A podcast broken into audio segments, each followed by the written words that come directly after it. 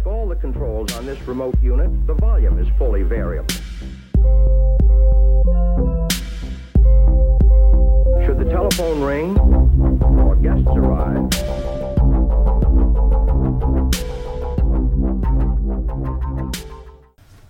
Så, jag tänkte eh, visa eh, acknowledgement är väldigt stort här nere därför att eh, jag visar data som Jonas Tunnelle initierade tror jag och Gunnar Dahlgren om omedelbara kejsarsnitt och tid. DDI, alltså eh, Decision to Delivery. Och eh, jag börjar med konklusionen. Konklusionen är att barnen inte mår bättre. Eh, och det är lite provokativt så jag ska förklara lite också. Eh, den andra... Mår bättre än vadå? En eh, kort DDI, alltså kort decision to delivery. När vi har jättebråttom på de omedelbara snitten så mår inte barnen bättre. Och det är lite provokativt men faktiskt ganska nära sanningen tror jag i vissa fall i alla fall. Eh, och eh, den andra konklusionen är att vi klarar dessa i 100% av fallen från vi började mäta 2008. Och det är vi ensamma om i världen och det finns eh, tre specifika papper som säger att det är omöjligt It's not feasible och, eh, och så vidare. Och det kan vi visa att det är feasible. Eh, jag träffade också, ska jag säga, Annette Hein från Danderyd och hon eh, sa också att det är ungefär samma hon undersökte lite andra saker ska vi säga, men hon, hon var också imponerad. Så vi gör saker och ting snabbt här och det är ju också med en hiss och massor med andra saker som är hett debatterade, inte, inte minst nu när vi flyttar till NKS. Och det finns många olika teorier om hur vi ska göra de här sakerna. Men först lite bakgrund då och det är att eh, väldigt många eh, föreningar, alltså eh, specialistföreningar, till exempel Royal College, Obstetrics och American College och så vidare, eh, säger att man ska eh, vid hotande, alltså pågående hot för fostret så ska eh, decision to delivery time vara mindre än 30 minuter. Och i Sverige säger vi att vi ska börja inom en kvart. Eh, och det här har ju massor med medikolegala eh, liksom konsekvenser, inte minst i USA då, eh, om man inte lyckas nå det här. Vilket eh, egentligen ingen gör då.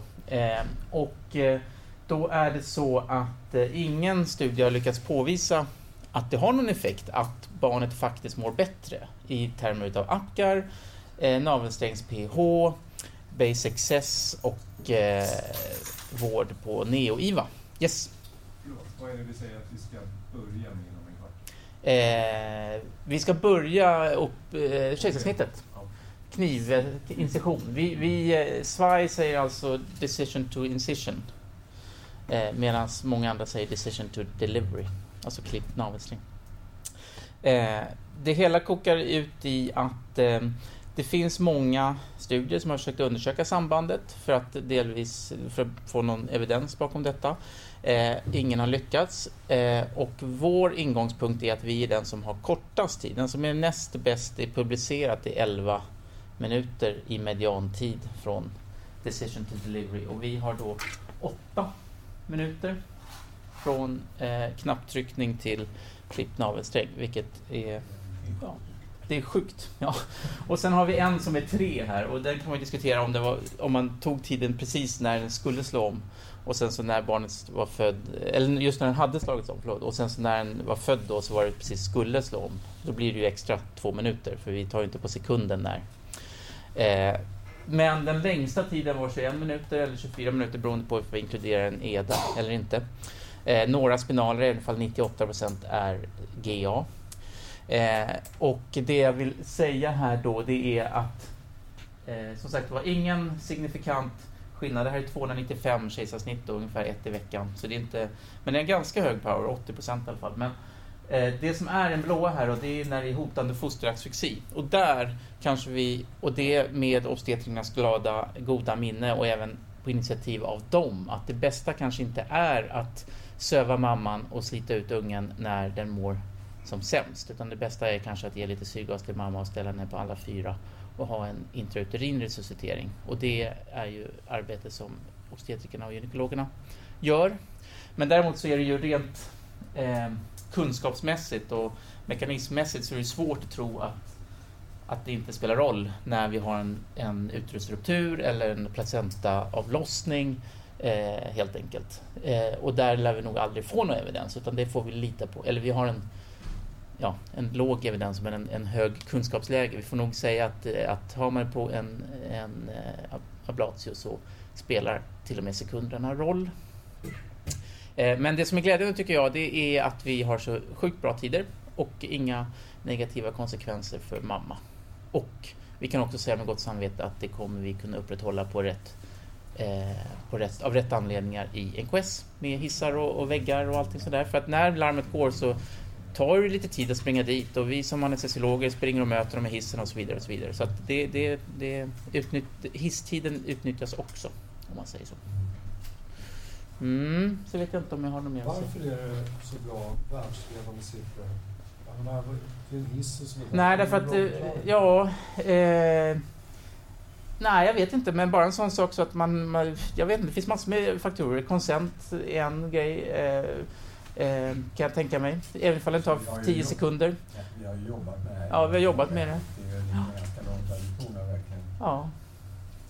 Men jag menar på många sjukhus så söks ju inte de här patienterna av specialist. Det måste ju ändå liksom, här är vi ju ändå Ja. specialist på plats. Det borde ju kanske ha impact. Ja, eh, ja. Alltså, vi får väl ödmjukt säga att vi faktiskt är bra också. Det är Liksom. extremt väldigt bra. vad vi det ska göra. intressant. Ja, vad sa du? Jag säger att om det är extremt bra så är det lite intressant. Ja. Liksom. Och då när man jämfört med andra studier som har längre tider. Mm. Den som är kortast tid. några skillnader som är Nej, det finns en tysk studie och den, och den, säger, den har 11,5 minut och den säger explicit att det här är bara möjligt om man har förlossningsgrejen, eh, operationssalen på förlossningen. Är, och, men många, många blir ju diskvalificerade för att de har beredskapsjourer och så vidare. Och, så vidare. och det, det går ju bort liksom. Men, men, men ja, vi, vi är bra, det får vi väl får vi ta åt oss. Men ändå menar du att det hjälper inte att förkorta den tiden så det går bra även om det är 15 eller 20 minuter?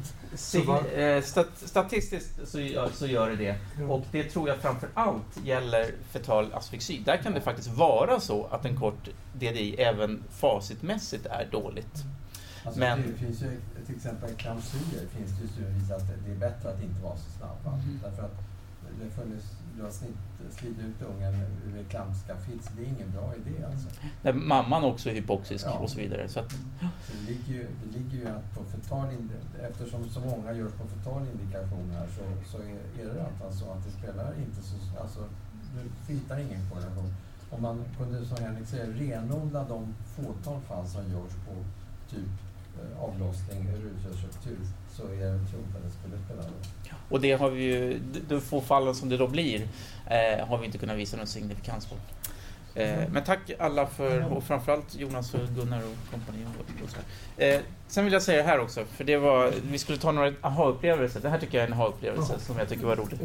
Eh, en minut. Brian Sykes från USA visade The American Opioid Crisis, som jag var ny för mig, men som eh, många av er känner till. Jag får bara skryta med min okunskap.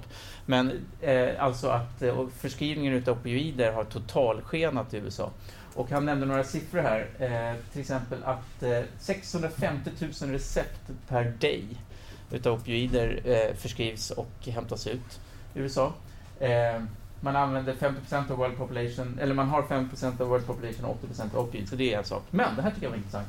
De har ju väldigt mycket eh, eh rating utav doktorerna och eh, det spelar väldigt roll i, i lönesystem och, och, och hur mycket pengar man får. Så här. Och då visar det så att om en doktor som ratas som high satisfaction, alltså utav patienterna, de patienterna har en 26% eh, increased risk of death. och det menar han beror då på, på den här. Va? För att om vi ser, här, här går sales, sales utav opioider och här går deaths till följd av överdoser och här går eh, abuse treatment. Eh, och de eh, linjerna är helt eh, parallella med varandra. Och satisfaction följer den också. Ja, och sen så ska vi också säga eh, att det här, allt, vi har jag har lärt mig, jag har undervisat i Candice när jag har blivit undervisad själv, att har man ont så blir man inte beroende och har man ont så finns det ingen risk för överdosering. Eh, och det eh, drog han att det påståendet baserades på ett ett manusk- ett, vad heter det, ett letter to the editor, a letter to the editor som var publicerat 30 år sedan och eh, det var nu rejected a couple of months ago av den anledningen att man inte skulle undervisa det längre. Jag har inte kollat referenser men jag tycker det var intressant. Det var en aha-upplevelse som vi förmedlade. Tack.